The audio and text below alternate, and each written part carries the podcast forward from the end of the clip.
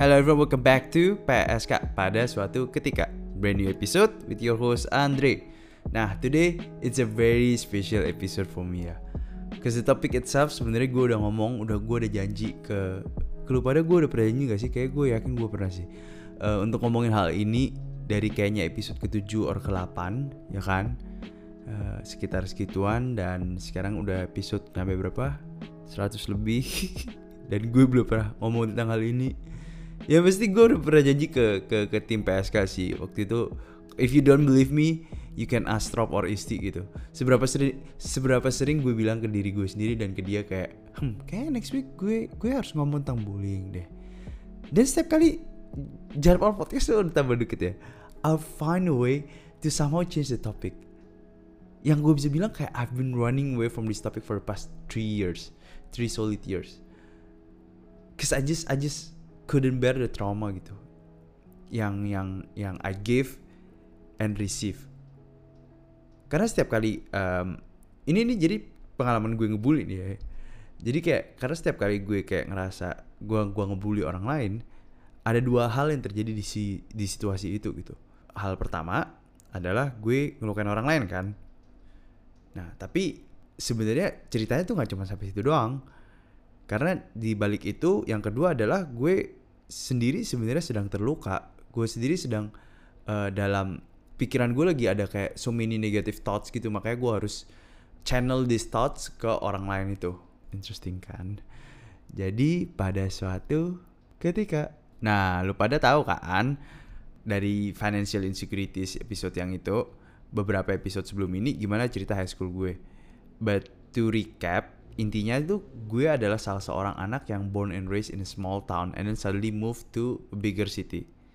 Jadi kan ya, namanya anak desa pindah ke kota, stigma anak-anak pada saat itu tuh gimana gimana coba. Anak kampung kan.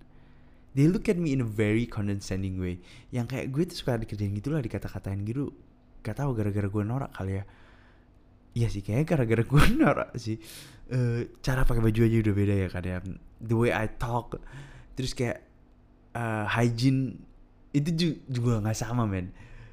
Di Madura tuh nggak ada yang namanya lu cuci tangan habis kencing. Ini gue seriusan. Lu cuci tangan habis kencing tuh kayak it's a fucking dumb thing. Kayak ngapain? Ya lu jangan don't touch your your area lah ngapain lu? Ya lu bersih kan technically? Nah itu tuh gue baru belajar waktu gue di Surabaya loh. Nah jokesnya aja tuh udah beda ya kan? Uh, gue ngerti kenapa. Tapi tapi oh ya yeah, there is one time kayak gue main basket gitu gue as usual kayak trash talk playful with it ya kan? Terus kayak classmates gue tuh pada benci gue abis abis abis main basket. Nah gue lumayan penasaran kayak bro this is what I did back in Madura eh kayak apparently I'm not in the hood anymore. Yang kayak berasa kayak di movie yang straight out of the Compton gitu kan. Jadi kayak gue udah nggak tinggal di hood terus kayak gue lumayan culture shock ya kan? Sama orang-orang baru yang lebih well cultured I guess. And then it reached one point kayak let's just be honest right? You can always feel like the power in the group of people as much as you want to deny it. Kayak some people are more focused than the others ya kan Nah, terus ada satu poin tuh di mana kok gue ngerasa kayak gue tuh rendah banget ya posisinya di grup-grup cowok gue, apalagi ya tambah lagi grup cewek ya kan. And that insecurity somehow build up. And for your information, sekolah gue tuh kecil banget ya, paling kayak sekitar 150 kids in one grade. Terus tuh kayak up until one night, malam itu tuh gue pergi karaoke kan. I think it was my first time karaoke bareng sama sama sama anak-anak. And then kayak cewek-cewek pada pilih lagu tuh yang yang yang macam-macam lah ya. Gak mungkin dong gue yang tiba-tiba ambil apa sih the keyboard. Terus mereka mulai main lagunya deh itu. Lagu pertama main Westlife ya kan? Mulai galau oke. Okay.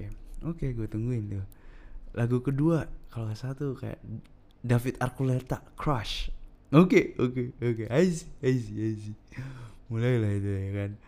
Mulai lagi deh lagu-lagu lainnya main. Jay Sean Taylor Swift yang gue kayak hmm ini kenapa gak ada lagunya Viera Ran atau Chris Patti ya?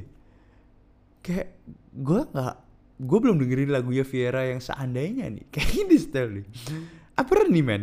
Cina-cina Surabaya tuh gak dengerin The Massive Cinta Ini Membunuhku pas lagi galau loh. The more you know. Oke? Okay? The more you know. Yang ya ya gue dengerin lagu barat juga gitu I know all of them tapi lagu galau Indo tuh kayak it do be hits different loh it hits different so much. Yang kayak kayak, kayak galaunya tuh ngurus kayak nyentuh sampai ke tulang-tulang cile. Nah tengah-tengah nyanyi tuh some of them started to mock me right? Like real bad. And in my thought it was like wow that is so unnecessary. Like it's not even funny bro. Gue gue nggak tahu itu emang beneran gak lucu ya. Atau karena gue aja yang masih culture shock yang kayak ya kayak gue nggak tahu gue belum bisa differentiate yang lucu yang mana gitu loh. And then my head was started kayak was starting boiling up gitu kan. And then kayak my hood self tiba-tiba keluar terus tiba-tiba gue dorong dong satu anak itu ke tembok. Terus gue cuma simply say kayak lu lu tuh kelewatan anjing. Terus gue mau pukul terus udah dilerai-lerai gitu deh. Ya padahal gue juga nggak berani kayak waktu itu mukul. Uh, terus kayak the whole room with 10 plus people 10 plus people bunch of cool kids gitu uh, ada di sana kan lu ngerti lah kayak anak-anak futsal, anak basket, anak-anak Cindo yang Chinese Indo yang privilege privilege gitu kan. Mereka semua diem cuy. Mereka cuma ngelerai terus habis itu diem. And honestly at that point I felt so fucking good loh. Kayak I left the room, went home. The next day the stories were spread out. Kayak satu grade gue tahu semua. Kayak semua langsung lebih apa ya, lebih kayak tone down gitu, kayak low key scared ya kan. Kayak they just woken up the tiger hal ini berlangsung sampai gue lulus ya kan? Soalnya gue udah kayak ngerasa gue udah dapet tuh powernya. Gue udah uh, disegani di grade gue lah ya. Gue bukan uh, kayak I wasn't a loser anymore. Gue biasanya suka banget tuh ngerjain anak-anak yang gue anggap di mata gue itu kayak lemah banget. You know like bullies love to pick like weaker people? Kayak gue tuh nggak berani loh pick on bigger guys or even guys yang status powernya tuh sama. Kayak I didn't want to risk it gitu back then. Dan if you ask me, apakah gue tahu, gue nyadar kalau gue dulu dulu tukang bully? Of course not. Even sampai perpisahan sekolah heart to heart gitu kan. Satu grade gue tuh diketemuin terus kalau ada kayak pesan terakhir mau disampaikan dan gue lumayan shock sih. Apa ini nama gue lumayan nama gue paling sering disebut dan uh, gue tuh selalu ngerasa gue tuh nggak separah itu loh ngebulinya kayak ah, banyak orang lain di luar sana yang jauh lebih parah dari gue gitu kalau lu tanya apakah gue ngerasa kayak ada the feeling of remorse of course not again. Uh, terus kayak waktu itu gue ditanya kan jadi Andre mau minta maaf? So I went to the guys hug them but on their back itu kayak gue wing on on kayak wing onto the boys yang kayak mereka di belakang sambil ketawa-ketawa gitu kan ya. Fast forward six years after that event gitu I I met with the boys. Ya kan? Itu kalau nggak salah Christmas 2018 terus at that time gue tuh udah mulai kayak the whole habit changes in my life ya kan? Kayak waktu itu aja gue udah lumayan punya banyak quite good habits good mindset. Gue udah jadi setengah SJ SJW gitu kan di sosmed. Udah bikin podcast ini ya 2018 akhir itu gue udah gue udah gue even udah waktu itu pengen ngomong tentang bullying ya kan? Sebelum gue ketemu mereka. Tiba-tiba anak-anak bawa-bawa tentang bullying gitu kayak you know like the boys talk lah ya. Yang di mana waktu itu uh, mereka pull out a few events. Terus mereka tuh cerita gimana waktu itu gue pernah nyiram uh, nyiram nyiram orang pakai kencing. Gimana waktu itu gue pernah pukulin orang for no fucking reason dude di situ gue bener-bener kayak di meja makan itu gue I cringe so fucking hard ya. Kayak gue tiba-tiba jadi kayak flashback keinget the heart to heart session terakhir kali sama anak-anak yang gue gak percaya kalau gue tuh separah itu ngebeli orang ya. And and I guess like that's probably one of the reasons why I just couldn't talk about it. Kayak even kalau misal nonton film yang ada unsur kayak bully gitu gue jadi lumayan PTSD men. Kayak gue ngerasa jadi kayak gak tau kayak ngerasa bersalah banget ya kayak ngerasa kayak felt like a fucking murderer gitu. Gue aja masih inget banget ada satu film yang gue sebenarnya pingin dari dulu pingin pingin nonton tapi gue kesampaian itu akhirnya gue baru nonton kayak kayak 2019 itu deh gue baru nonton. Itu adalah uh, Koeno Katachi ya kan? Silent Love gitu gak salah. Itu anime ya kan? Uh, gue tahu itu reviewnya bagus banget selevel sama Kimi no Nawa tapi kayak gue waktu mau nonton aja itu gue kayak anjing tentang bullying gue nggak bisa sih nonton nggak gue gue gak gue nggak pingin kayak ngebuat gue itu jadi jadi victimnya lah ya di di high school gue gitu. Yang jelas-jelas uh, gue bukan korban ya kan. Oke lanjut lagi lah cerita gue gitu oke. Jadi kayak there were actually two people kan yang yang gue ngerasa kayak anjing gue parah banget ya dan dua orang ini juga uh, mereka pergi ke gereja. Dan gue kenal nih anak-anak gerejanya ya kan? These two guys waktu mereka suruh bagian yang kayak you know like pray and forgive uh, someone yang mereka bener-bener benci lupakan semua kayak uh, rasa sakit itu ya kan? Apparently mereka berdua tuh nyebut nama gue dan sambil nangis man let's just say their names tuh A and B lah ya. We'll start with the A guy oke okay. kita lebih spesifik ini sekarang uh, jadi kayak I started to pick him up the A guy ya waktu kelas 11 sih. Kayak gue dari dulu tuh selalu kepikiran kenapa sih gue selalu ngumpulin dia? Kayak kayak salah dia tuh apa sih sebenarnya? Apa sih insecurities gue yang yang yang yang kayak dia nggak punya insecurities itu mungkin ya bisa dibilang.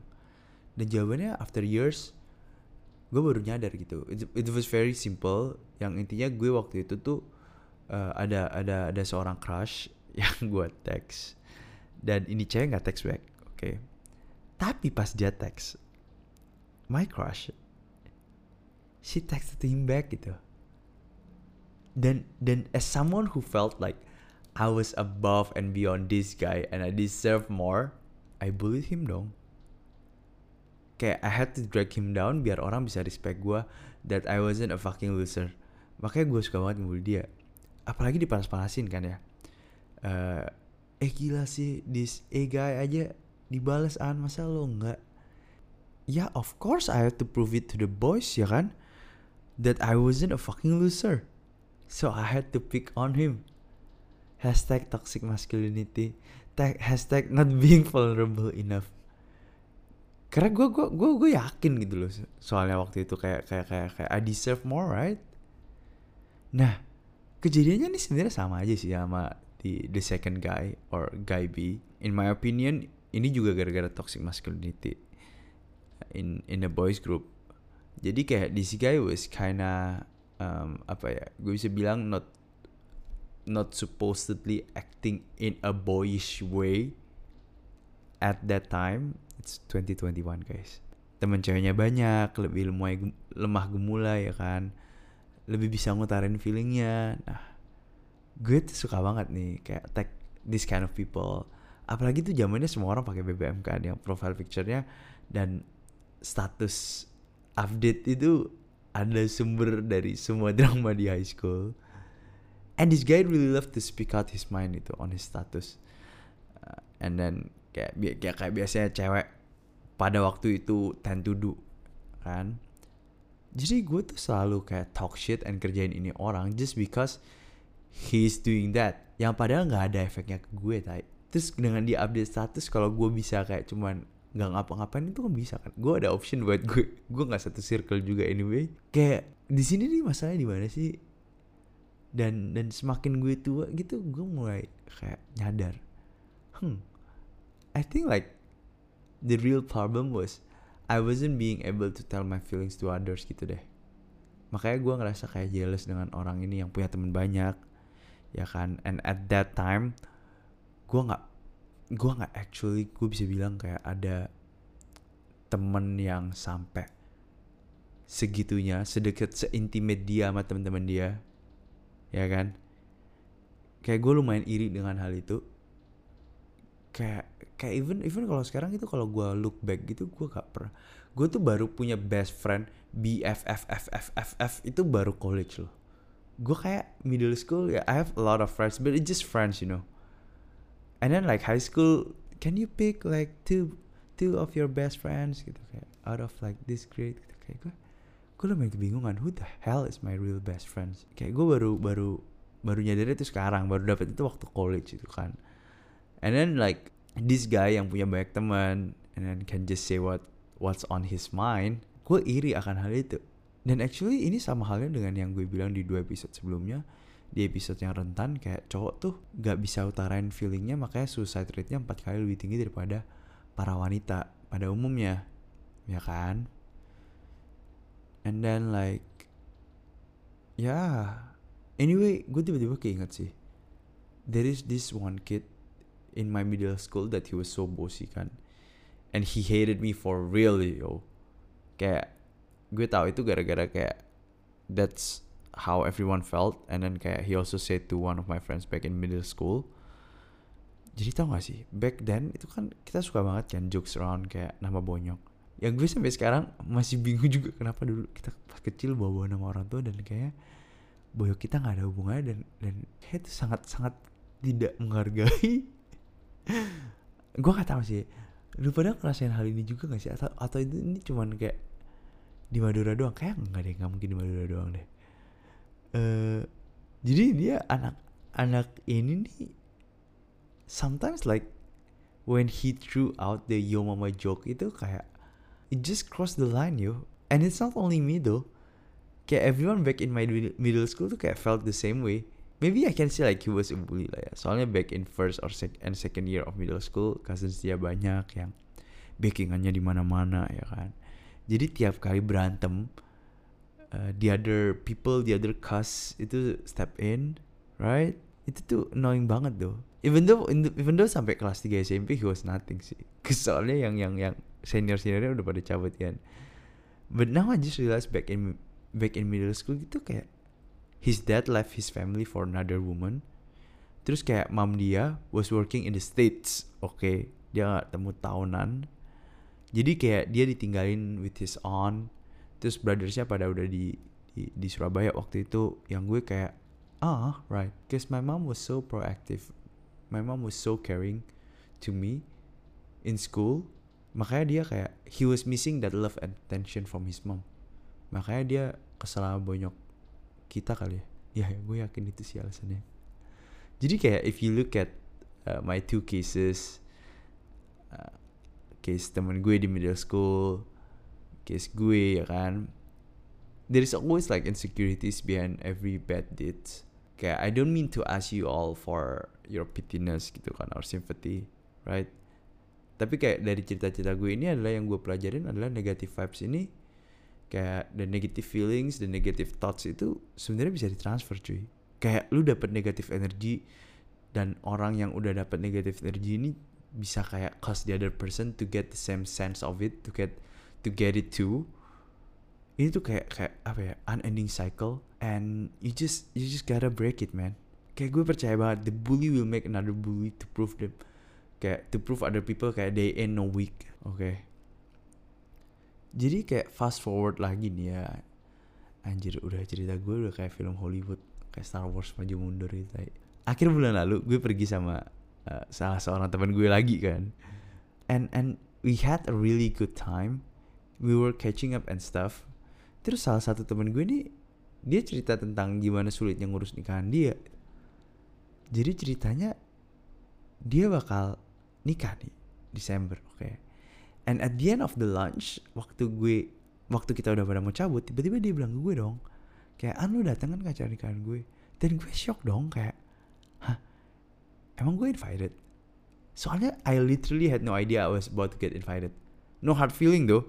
Kayak I mean yeah I talk to him right now but back in high school dia adalah salah seorang yang yang yang gue bisa bilang gue suka banget bully. And he is actually the A guy. The one I bullied cause my crush texted him back instead of me. Yeah, well dia dia dia nggak jadi nama kelas gue juga kok. Jadi ya jadi kayak ya, semuanya udah ada. Jalannya masing-masing apparently. Lucu ya. Suka banget tak lu, lu lu pada suka kayak sih kayak gitu? Kayak lu berantem sama lu pernah ngeliat mungkin lu sendiri ya gue gak tau kayak berantem over cowok atau over cewek terus dia juga ujung-ujungnya nggak ada yang jadian sama sama lain.